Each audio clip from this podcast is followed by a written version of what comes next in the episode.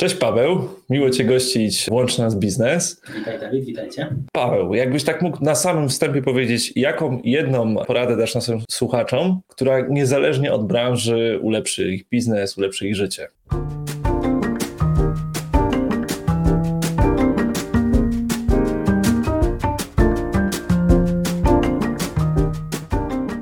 Wiesz, ja na pewno nie jestem specjalistą od pojedynczych porad, to jest zawsze trudne. Mogę mhm. Ci mniej więcej powiedzieć, co mi utkwiło w głowie z okresu, kiedy byłem najpierw pracownikiem w firmie amerykańskiej, no a później zostałem udziałowcem w paru spółkach, y, częściowo brytyjskich, częściowo polskich, ale to jest taka tylko mój punkt widzenia na tę całą sytuację. Myślę, że cofnęlibyśmy się w czasie 2-3 lata, być może nawet pamiętasz moją prezentację, ja tam wtedy postawiłem nacisk na takie jedno słowo, skalowanie. Mhm. Skalowanie firmy. I to jest coś, co mi się wydaje chyba rzeczą najważniejszą w budowie firmy, czyli żeby w pewnym momencie być przygotowanym, żeby przejść tak z jednego pracownika na, na trzech, z trzech na pięciu, z pięciu na dwudziestu, z dwudziestu na stu, no to trzeba firmę skalować. Tak? To jest ten moment, gdzie, gdzie ta firma trzeszczy w szwach, tak? czyli mhm. pękają pewne procesy, przesyca się, jest za mało ludzi albo za dużo klientów y, i to się dzieje zwykle w dwóch miejscach, czyli z jednej strony mamy osoby, które chcą poznać Twój produkt, chcą dołączyć do firmy. No i tutaj jak zwiększa się skala, to musimy te osoby pozyskiwać, prawda? Czyli to jest ta skala mhm. sprzedażowa jeszcze zanim te osoby zostaną Twoimi klientami. No i druga rzecz, jak już będą Twoimi klientami, to często się okazuje, że to jest jednak ten główny problem w firmach i bardzo często jest tak, że my jakby mentalnie zabijamy nasze firmy, bo wiemy, że w rzeczywistości nie możemy obsłużyć więcej niż na przykład 10 czy 50 klientów. Jakbyśmy ich mieli 1000, to ich po prostu nie obsłużymy, prawda? I nam się wydaje, że my chcemy mieć więcej klientów, ale w rzeczywistości jest często tak, że właśnie gdybyśmy mieli ich więcej, no to nasza firma po prostu by tego nie wytrzymała. Powiem może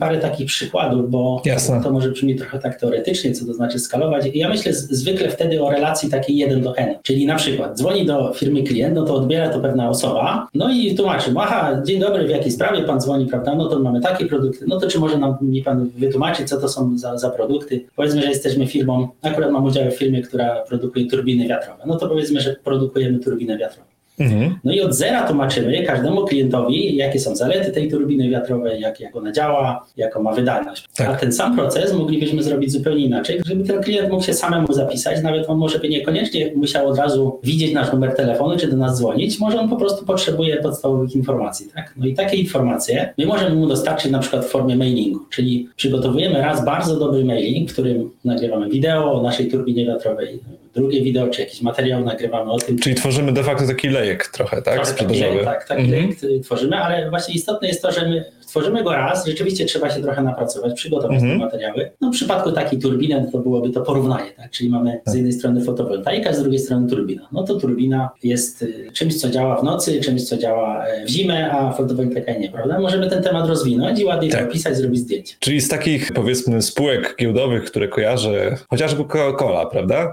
Chyba nawet Warren Buffett powiedział, że inwestuje w takie spółki, które mógłby poprowadzić nawet idiota, bo prędzej czy później idiota zostanie prezesem takiej firmy prawda? Więc Coca-Cola jest skalowalnym produktem, rozpoznawalnym i chyba można trochę porównać do tego, co powiedziałeś, prawda, że jeżeli jesteś współwłaścicielem Coca-Coli, to nie skupiasz się na poszczególnych małych problemach, tylko jest to skalowalne na cały świat. Dobrze zrozumiałem? To znaczy w przypadku Coca-Coli tutaj Warren Buffett zapewne miał na myśli ten cały proces, który jest z kolei już później, tak? Czyli mhm. jeżeli już mamy klienta, no to jest cały proces tak zrobiony, żeby każdy pracownik w tym procesie miał bardzo jasno określoną procedurę, co on robi. Prawda? Czyli jak w McDonaldzie, prawda? Każdy wie, jak zrobić kanapkę. I rzeczywiście ty to dobrze zauważyłeś, bo w tym momencie mamy taką firmę, w której nie trzeba pracowników wybitnych, sprzedawców gwiazd na przykład, tak, albo tak. osób, które obsługują klienta w sposób jakiś wyjątkowy, bo oni mają wszystko to wytłumaczone, są przeszkoleni.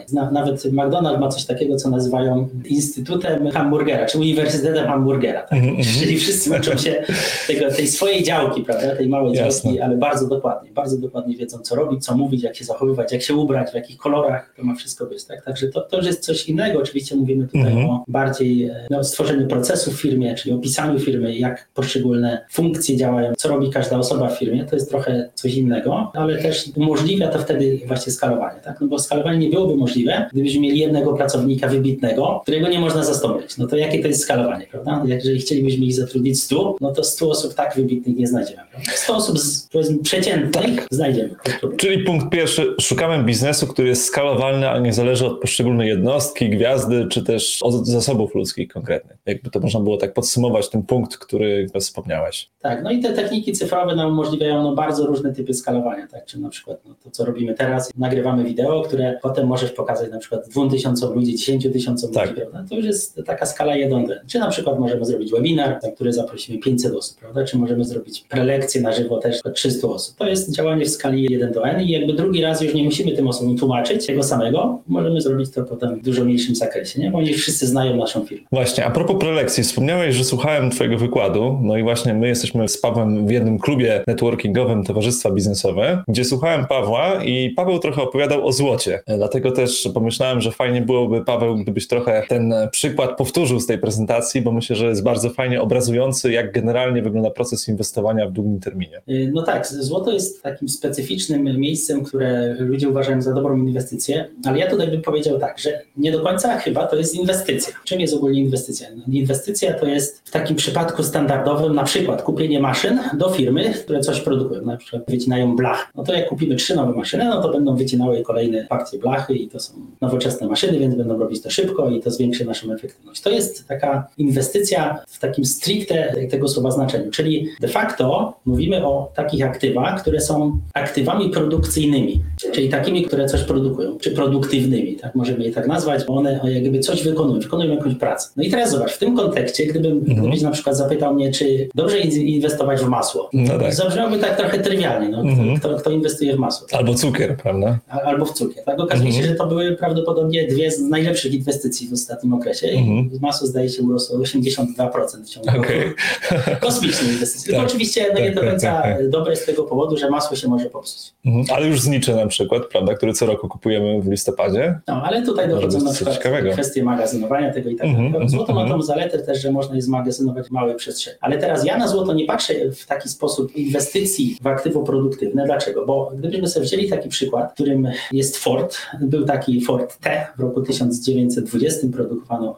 Forda T, to był taki pierwszy masowo produkowany samochód. Właściwie on kosztował około 390 dolarów. I to było wtedy 19 uncji złota, która to uncja kosztowała około 20 dolarów. I teraz Gdybyśmy sobie porównali samochód, który, no weźmy takiego pick-upa, powiedzmy model F-150, to jest mniej więcej samochód odpowiadający funkcjom tamtemu samochodowi. Jasne. Minęło 100 lat i teraz ile ten samochód kosztuje? No kosztuje on 28 tysięcy dolarów mniej więcej z hakiem. Ale w uncjach złota okazuje się, że jest to dokładnie tyle samo uncji, to jest 19 uncji złota. No więc powiedz mi teraz, czy zainwestowałbyś w taki biznes, który przez 100 lat nie wyrósł w ogóle, zachował swoją wartość? Rozumiem, czyli jako przechowanie kapitału to jest super sprawa, tak? Nie znam się powiedzmy na inwestowaniu na giełdzie i chcę po prostu trzymać wartość pieniądza w czasie, to mogę postawić na złoto. Natomiast czy na przykład wtedy powinienem w bitcoiny inwestować, bo bardzo często jak rozmawiam z przedsiębiorcami jest taka moda, żeby wpłacać systematycznie na przykład na bitcoina, 500 plus na bitcoina, prawda, żeby zabezpieczyć przyszłość swoich dzieciaków. Co o tym sądzisz? No właśnie, tak przechodząc ze złota do bitcoina, czyli mhm. podsumowując to, mamy wzrost na złocie, który wynosi mniej więcej około 6,8%,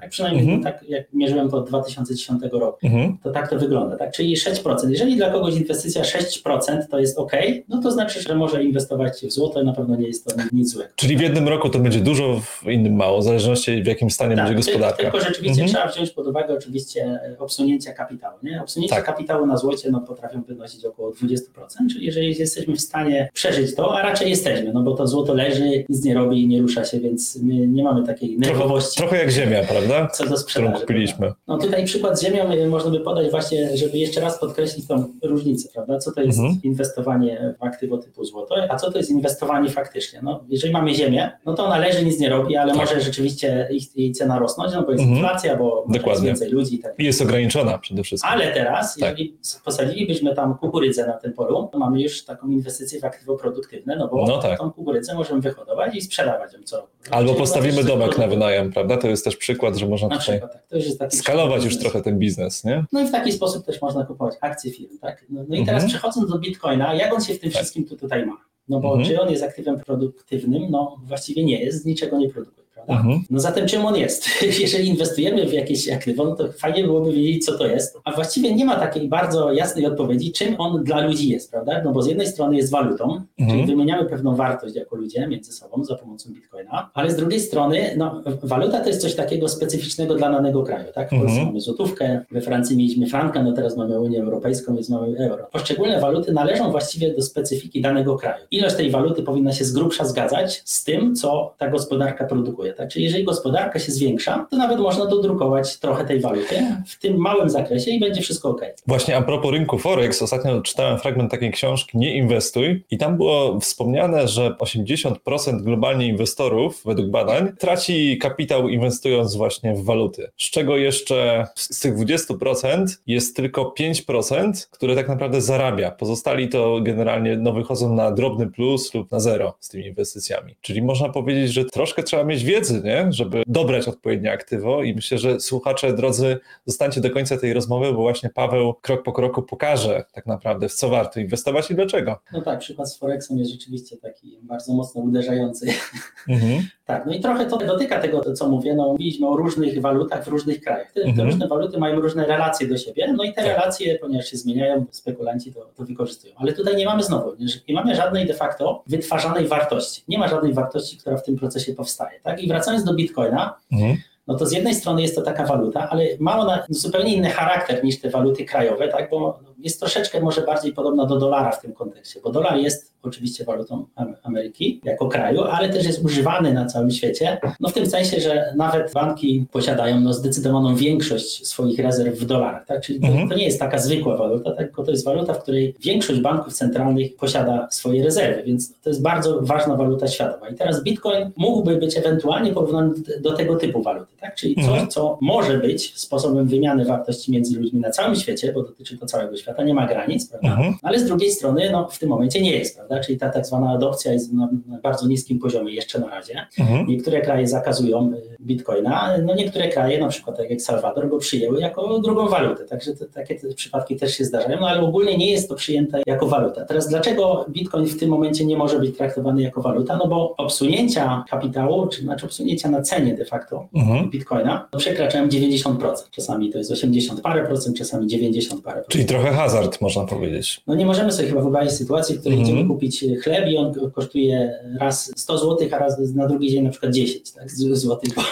takie są wahania ceny. No tak, chyba, że mówimy o latach 80. w Polsce, prawda, kiedy był głęboki PRL. No ale to przynajmniej mieliśmy określony mm -hmm. kierunek, że to zawsze było drożej. No, tak. W przypadku Bitcoina to by działało w dwie strony, mm -hmm. było drożej raz, raz. Więc jako waluta to nie może jednak jeszcze teraz funkcjonować, bo waluta tak. musi być stabilna. No więc tu jest ten problem, tak, że, że my nie wiemy, co to dokładnie jest i tak naprawdę nie wiemy dokładnie, jak w tym momencie określić jego wartość, no bo wartość Bitcoina w tym momencie określa praktycznie tylko popyt i podaż. Jasne, czyli trochę można powiedzieć, że słyszałem na przykład w jednym z dużych stanów w Stanach Zjednoczonych zablokowano używanie TikToka jako aplikacji. I teraz załóżmy, że rząd czy e, gubernator tego stanu podejmie decyzję, że blokujemy przetwarzanie bitcoina w jakimś tam obszarze geograficznym Stanów Zjednoczonych, no to chociażby taka informacja medialna może spowodować, że na przykład stracimy dużą część, prawda, tych aktywów i nie wiadomo, kiedy to się odbije z powrotem. Więc można powiedzieć, że nie jest to zbyt mądry sposób na takie stabilne inwestowanie, prawda? To znaczy jest to pewien zakład na to, że mhm. ten bitcoin może się stać bardzo znaczącą walutą. I teraz, mhm. jeżeli sobie spojrzymy w ogóle na świat kryptowalut, czyli wiele tysięcy kryptowalut, no to tak. większość z nich prawdopodobnie zniknie, zresztą już zniknęła, prawda? Mhm. Tysiące walut powstają i, znikają. Tak. Natomiast faktycznie bitcoin ma tą e, bardzo dużą zaletę, że on w momencie, kiedy powstawał, on w ogóle kosztował, zdaje się, 5 centów, był pierwszy raz notowany w 2010 mhm. roku na giełdzie GOX, no urósł, urósł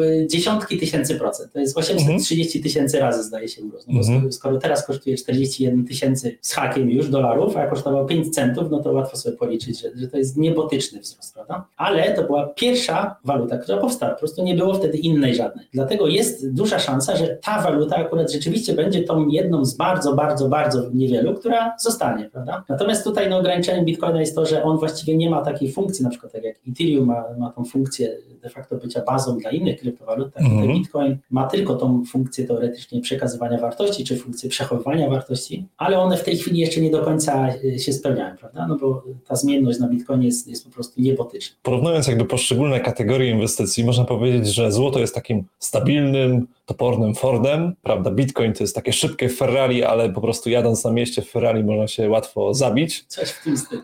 Przechodząc do Tesly, Tesla, spółka giełdowa notowana na amerykańskiej giełdzie. To jest twój konik. Jak to właśnie w praktyce wygląda? Jakbyś się mógł podzielić y, z naszymi słuchaczami, którzy są często czy przedsiębiorcami, czy też dyrektorami działów marketingu, sprzedaży. Jak to wygląda w praktyce? Jak podejść do tego tematu? Jak zacząć w ogóle przygodę z y, rynkiem amerykańskim giełdowym? Znaczy, moim sposobem na, na rynek jest y, używanie software. Tak? No, wiele Mhm. lat temu, z około 15 lat temu, stworzyłem po prostu software dla siebie, tak? żeby lepiej, łatwiej i szybciej wyszukać y, sobie spółki. No i ten software właściwie, jeżeli pytać, jak wygląda w praktyce, to takiej rzecz, rzeczywiście codziennej praktyce, no to ja uruchomię ten software właściwie raz na tydzień. On pokazuje mi trzy rzeczy. Po pierwsze pokazuje, czy na rynku amerykańskim, który najczęściej inwestuje, czy w rynku akcji amerykańskich jest trend. Jeżeli jest trend wzrostowy, no to ja mam kolor zielony na, na moim narzędziu, które pokazuje trendowość rynku. Tak? Czyli de Mhm. facto liczbę spółek trendowych, które są we wzrostach. To jest świetny wskaźnik, który pozwala mi ocenić w ogóle, czy wejść, czy, czy nie wchodzić na rynek. Trochę jak jest światła rzecz. drogowe, prawda? Wiemy, że, że warto jechać dalej. Tak, tak, tak, dokładnie. No jak jest Mhm. czerwone, no to się nie pchamy, żeby nas nie przejechał tir, lepiej, lepiej poczekać, prawda? Jasne.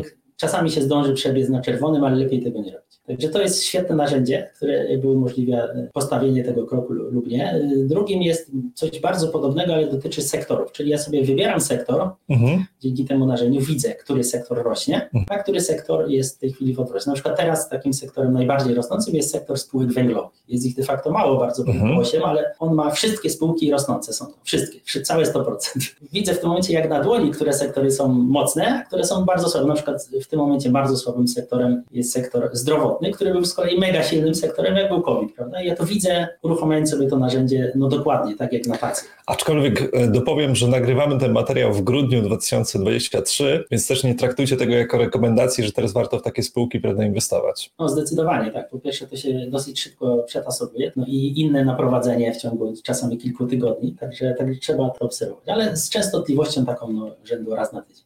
Czyli krótko mówiąc, masz takiego swojego Excela, który ci wypluwa informacje. Konkretnie tym narzędziem jest AmiBroker. To jest dobre porównanie, które zrobiłeś, bo zarówno Excel, jak i AmiBroker mają swoje makra. Tak? Możesz Mhm. napisać makro w Excelu, ale możesz też napisać makro w AmiBrokerze. Ja właśnie takie makra napisałem dla trendów na rynku amerykańskim. Czyli jeszcze raz dla uporządkowania. Tak, mamy trend Mhm. rynku, mamy trend sektorów, tak zwane industries, to są takie mniejsze, mniejsze podsektory. Mhm. I trzecią rzeczą jest po prostu już wybranie konkretnych spółek. Tak? Czyli spółka, która spełnia pewne konkretne moje kryteria, które mam przygotowane, pojawia mi się w tym skanie, albo mi się nie pojawia. No, zwykle pojawia mi się w ciągu tygodnia około 5 do 15 spółek. Czyli tak trochę porównując do, do mojej branży marketingu internetowego, wybieram sobie że trzy wskaźniki, które monitoruję jako przedsiębiorca, czyli na przykład, nie wiem, ilość nowych zapytań, koszt pozyskania zapytań i, i, i ile budżetu na przykład miesięcznie na to wydaję i monitoruję jakby te rzeczy, żeby wyciągać jakieś tam wnioski, czy, czy wszystko idzie w porządku, czy może warto tam zrobić jakąś korektę. No właśnie i tutaj nasuwa się naturalnie pytanie, z jaką częstotliwością warto byłoby to robić? Czy to jest, nie wiem, cykl dzienny, miesięczny, czy może kwartalny? Wiem, że są różne strategie a propos tego. No na pewno nie w ciągu dnia. Ja pamiętam takiego delikwenta u nas, który zadzwonił do mnie i mówi, że słuchaj, mam tu pięć pozycji na Forexie otwartych, jadę samochodem, laptop leży na prawym siedzeniu.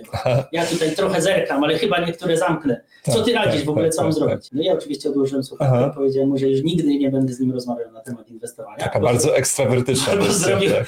wszystkie błędy, Mhm. najgorsze możliwe, jakie Tak, można popełnić. Tak. Także na pewno nie w ciągu dnia. W ogóle Mhm. nas nie interesuje to, co się dzie- dzieje w ciągu dnia na rynku. Mhm. Ja, ja patrzę na przykład z częstotliwością raz na tydzień i to jest w zupełności wystarczające, nawet można rzadziej. I składamy zawsze zlecenia, które są tak zwanymi zleceniami oczekującymi, tak? Czyli nie Mhm. denerwujemy się, żeby zdążyć, tylko to zlecenie samo się realizuje wtedy, kiedy dojdzie do pewnego poziomu cenowego. I w dodatku samo się zabezpiecza. Także to jest taki totalny komfort. Aczkolwiek ty chyba nie do końca też o to pytałeś, yy, jak często powiedzmy ja zaglądam na rynek, tylko z jaką częstotliwością oceniam inwestycje. Mhm, Ocena inwestycji mhm, to jest coś, co de facto, no faktycznie jak ja otworzę platformę brokerską, no to też widzę swoją krzywą kapitału. Akurat mój broker Mhm. pokazuje ostatni rok. No to Mhm, na mhm. ostatni rok naturalnie patrzę, czy ostatni miesiąc sobie klikam. Akurat ostatni miesiąc, to listopad 2,9%, tam miałem wzrostu w tym ostatnim miesiącu. I ja to widzę, tak, ale to, to nie jest coś, co mnie jakoś specjalnie, że tak powiem, rusza. Tak naprawdę takim horyzontem, w którym na akcję powinniśmy patrzeć, to jest według mnie jeden rok. Czyli zamykamy Okej. rok, patrzymy, ok, rok jest na plusie, czy, czy na zero. Czy... Czyli widzę znowu bardzo duża analogia do naszej branży marketingowej, bo bardzo często niedoświadczeni przedsiębiorcy, którzy zlecają kampanię, robią taki błąd, że oczekują, że po tygodniu już jakby możemy oceniać, możemy już podsumowywać, jakby co się udało osiągnąć. Ok, można robić raz w tygodniu pewne korekty, optymalizacje. W skali miesięcznej powinniśmy się zastanowić, czy wszystko idzie w dobrym kierunku po tych optymalizacjach i w skali tak naprawdę roku, działając systematycznie, tam wrzucając jakiś budżet co miesiąc, możemy tak naprawdę podsumować, czy ten nasz marketing działa, czy nie. Czyli można powiedzieć, że trochę analityka podejście do, do inwestowania masz podobne. Podobne. Ja nawet się zastanawiałem nad, tą liczbą wskaźników, jak zacząłeś o nich mówić. No to ja mam mm -hmm. może trochę więcej, tak mniej mhm, więcej mm -hmm. bym powiedział około 10 wskaźnika, z czego z grubsza połowa jest technicznych, czyli dotyczą ceny wolumenu i połowa jest fundamentalna, czyli dotyczą no, wartości finansowych, tak związanych z obrotem, zyskami firmy, zadłużeniem i tak. Czyli znowu, jeżeli chodzi o Bitcoin, to możemy mieć minus procent, możemy mieć wielokrotny procent. W przypadku giełdy amerykańskiej raczej będzie to stały procent, stabilny i przewidywalny. Dzięki temu, że ty korzystasz z określonych narzędzi, skryptów, filtrów, które pozwalają zabezpieczyć to inwestowanie, żeby tak, robić to w sposób mądry. To też jest parametr, mhm. który, ja mierzę i właściwie go od razu widać tak, na wykresie mhm. kapitału, na przykład za ostatni rok, to, to mhm. najważniejszym parametrem to jest obsunięcie kapitału. Czyli nie tylko tyle, co, ile zarobiłem, prawda? No jeżeli mhm. jest rok, w którym zarobiłem 15 15%, ale tak. obsunięcie mam rzędu 7%, no to jest mhm. cały czas ok. Obsunięcie jest to ten ruch od, od maksimum do minimum mojego kapitału, prawda? Czyli to nie jest nic złego, bo to się zwykle odnawia później dosyć szybko, ale jednak określa nam ten poziom ryzyka, prawda? No niektórzy nie wytrzymają spadku kapitału na przykład o więcej niż 20%, inni może 50%, ale jednak jest taka bariera, której nie jesteśmy w stanie wytrzymać generalnie, tak, psychologicznie. I tutaj w przypadku akcji najlepsza jest po prostu taka strategia, która pozwala nam na jak najlepsze zabezpieczenie kapitału, tak? To, to z tym mhm. się wiążą różne czynniki, czyli to jest no, zupełnie inny temat, na który też moglibyśmy długo tutaj rozmawiać, czyli jak zabezpieczyć tą inwestycję. Mhm. Ale nawet jeżeli spojrzymy na rynek amerykański jako, no, kupiłem i trzymam powiedzmy, tak? Kupiłem cały indeks i, i trzymam, tak? Mhm. Czy tam fundusz inwestujący w indeks S&P. No to te obsunięcia kapitału nie byłyby bardzo duże, tak? Ja nawet y, ostatnio się tym zainteresowałem, jak to było w historii i okazuje się, że największe obsunięcia kapitału w całej historii miały miejsce w okresie tam przed II wojną światową. To był ten słynny kryzys 1929 roku czyli bardzo, bardzo dawno temu, już w tej chwili dla nas, niecałe 100 lat. I to obsunięcie wynosiło 86%. Tak? To było największe obsunięcie w tej naszej tutaj nowożytnej historii, jakie widzimy na rynku. I po, potem już było lepiej, bo takie obsunięcie jeszcze dosyć spore było w latach 30., 40. Rynek spadał przez 6 lat wtedy, mhm. ale ten spadek był już nieco mniejszy niż 60%. I potem jest coraz lepiej, czyli ten rynek, no mimo, że wydaje nam się, że on czasami spada, czasami wchodzi w besy, to te besy są jednak mimo wszystko sporo płytsze. No ta ostatnia, którą żeśmy tak mocno odczuli, covidowa, to był spadek o 35%. Natomiast to był spadek całego rynku, tak? Gdybyśmy mhm. trzymali jak gdyby twardo wszystkie spółki czy cały indeks. Natomiast jeżeli używamy strategii, no to na przykład ja na swoim kapitale miałem w tym samym okresie nie 35% spadł, tylko 7%.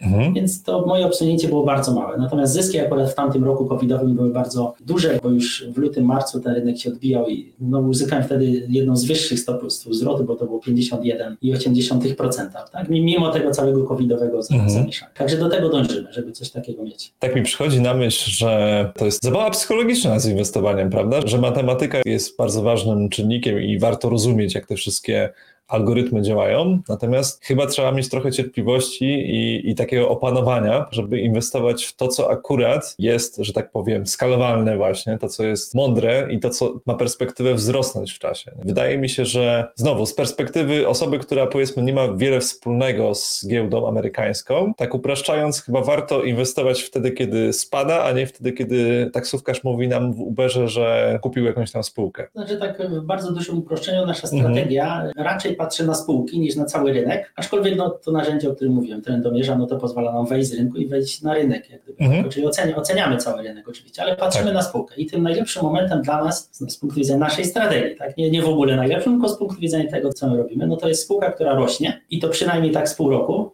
a potem robi korektę. Czyli ani nie jest na szczycie, ani też nie jest to spółka spadająca, jakaś tam okazja spadająca, prawda? Że spadło ze 100 do 1 i to teraz jest okazja, prawda? Tam wszystkie fabryki się spaliły, zastrzelili CEO i to jest dla nas okazja, nie? Tak, Rozumiem. To, to, to jest spekulacja. sobie teraz, tak, tak, tak. No, złe spółki nie są dobrą inwestycją, natomiast dobre spółki w korekcie są dobrą inwestycją. Rozumiem. Czyli tak naprawdę korzystając z Twojej wiedzy, doświadczenia, jeżeli to się dobrze poustawia, to tak naprawdę nic nie trzeba robić i te algorytmy trochę myślą za nas. Algorytmy w dużej mierze myślą za nas i myślę, że ta część psychologiczna, o której ty mówisz, to dotyczy mhm. bardziej tego, czy ja się potrafię trzymać strategii, tak? Czyli Rozumiem. czy ja ufam tej strategii, czy mam ją przetestowaną, tak a propos to narzędzia mi brokera pozwala przetestować strategię, czyli my wtedy nabieramy dużo większego zaufania. Jak mamy zaufanie do strategii, no to będziemy się jej trzymać, prawda? Czyli idę do trenera personalnego, który jest świetnie zbudowany i on mi powie krok po kroku, jak powtórzyć jego strategię. Pytanie tylko, czy mi się będzie chciało ćwiczyć, prawda? No tak, właśnie. I to jest ta część, za którą my nie bierzemy odpowiedzialności.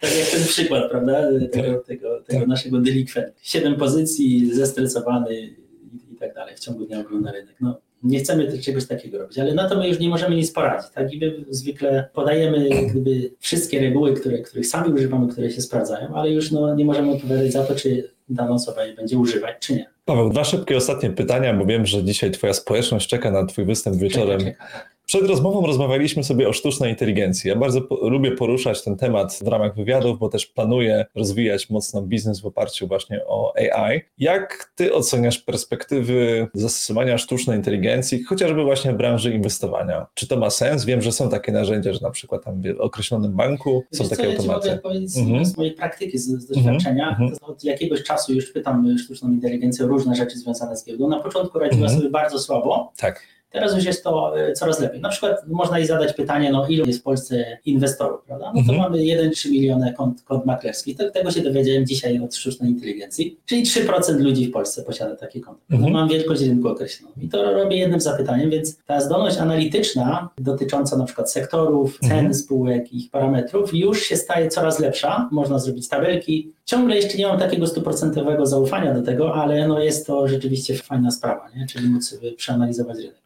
Czyli z punktu widzenia na przykład przedsiębiorcy możesz określić, ilu jest inwestorów giełdowych na przykład na poszczególnych rynkach, na których chciałbyś wejść i tam jakby stargetować grupę docelową, chociażby w swoich reklamach, czy w ogóle w stworzeniu strony internetowej, w przetłumaczeniu materiałów. No to jest dokładnie ten przykład, który to podałem. Tak? Jeżeli wiem, że w Polsce jest 1,3 miliona kont maklerskich, no to duża część z tych osób byłaby zainteresowana tym, żeby robić może lepiej to, co robią. Jeżeli tracą kapitał na przykład teraz, no to takich osób jest ponad milion, więc to jest jakaś dla mnie informacja. Natomiast ja myślę, że też bardzo ciekawym aspektem sztucznej inteligencji jest to, że ona no, pisze programy, prawda? Ja akurat te moje narzędzia zaprogramowałem w takim specyficznym języku programowania mhm. dla Mi Brokera, on się nazywa AFL, AMI Broker Formula Language. Mhm. No i rzeczywiście pytałem sztuczną inteligencję, czy tutaj nie mogłaby mi pomóc. I rzeczywiście proste programy jest w stanie napisać, jeszcze oczywiście one mają pewne wady, ale myślę, że to też w dużej mierze wynika z tego, że no, mógłbym lepiej pewnie formułować te zapytania, prawda? Mhm. Ale naprawdę już efekty są imponujące, czyli no, jestem w stanie wygenerować po prostu taki software dla mi brokera, zadając temat sztucznej inteligencji. Tak, przetestuj mi system, który robi to i to za ostatnie 10 lat. No i proszę bardzo, mam kod. Jedno zagrożenie, które widzę w takich doradcach właśnie, to jest to, że jeżeli taki chat GPT będzie pracował na przykład dla określonej instytucji finansowej, no to może na korzyść tej instytucji podpowiadać pewne inwestycje. No tak, takiego doradcy bym się chyba trochę bał.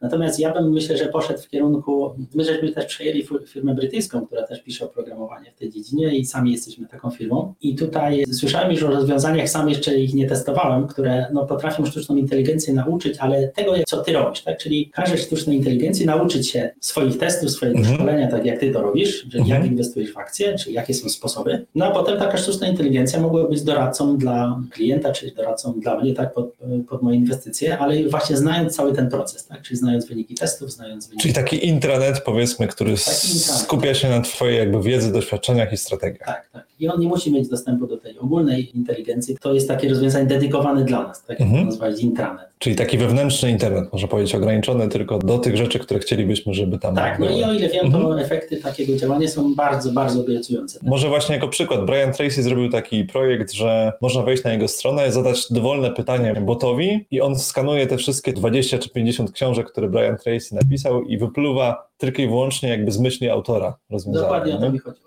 Widzicie, słuchacze, że Paweł ma bardzo dużą wiedzę na temat inwestowania i szczególnie na temat strategii na rynku amerykańskim. Ile łącznie lat się tym zajmujesz już? Jakbyś tak mógł podsumować?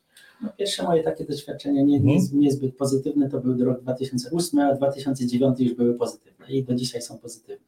Także 14 lat. Więc jeżeli chcecie z tego Pawła doświadczenia skorzystać, no właśnie, to co, co najlepiej zrobić, żeby zacząć przygodę z rynkiem amerykańskim? Tutaj nasz zespół się ostatnio dość mocno rozwinął, już nas jest prawie 10 osób i część z tych osób zaproponowała, że będziemy robić takie spotkania, które trwają 7 dni i robimy już piątą edycję, to się nazywa wyzwanie siedmiodniowe.